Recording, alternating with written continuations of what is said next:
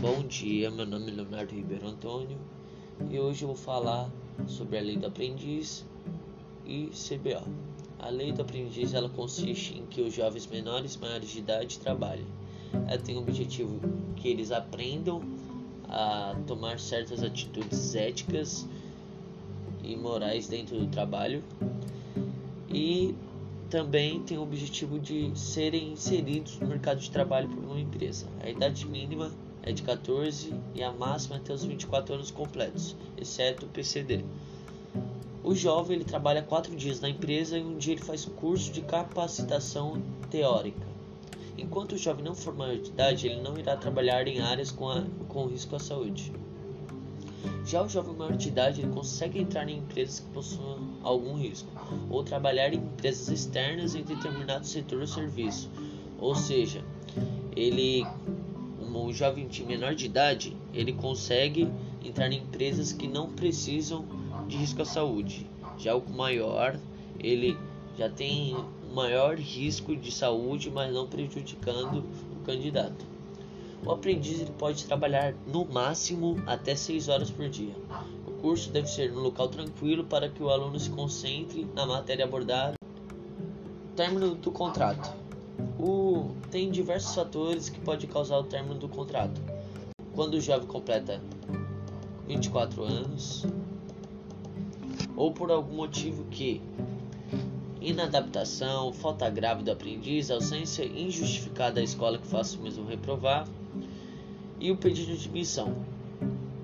O aprendiz também é, ele pode completar, tipo, como, como supor ele completar o, o contrato. Esse é um fator também. E agora eu vou falar sobre o CBO. O CBO é a sigla para Classificação Brasileira de Ocupações, um documento que retrata a realidade das profissões existentes no mercado de trabalho no Brasil. Ou seja, CBO é uma lista, podemos dizer assim, uma lista de todas as profissões registradas aqui no Brasil. E essa lista é atualizada constantemente para exibir com a maior fidelidade possível as atividades profissionais do país, sem qualquer diferenciação entre as profissões regulamentadas e as de livre exercício profissional.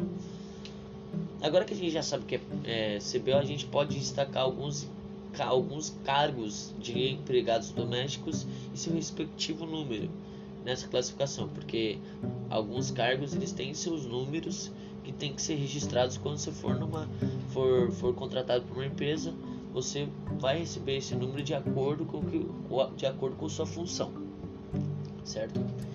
E ó, vou falar três, mas tem diversos lá no site.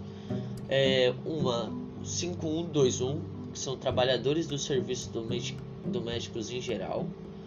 5131 mordomos e governantes. 5132 cozinheiros. E assim vai, é, são diversos mesmo. E agora, qual que é a função do CBO para o programa de aprendizagem?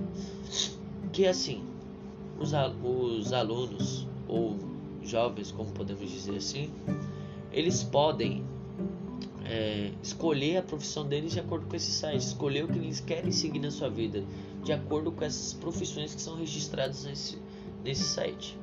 Então, vai, eu quero ser pizzaiolo. Vamos ver quais que a gente pode ter. Pode ser pizzaiolo, sushi man, churrasqueiro. São muitas opções que a gente pode ter, entendeu? Que a gente pode exercer, entendeu? Então é isso, pessoal. Muito obrigado por hoje, muito obrigado pela apresentação. E por hoje é só. Tenha uma boa tarde e um ótimo dia. Obrigado.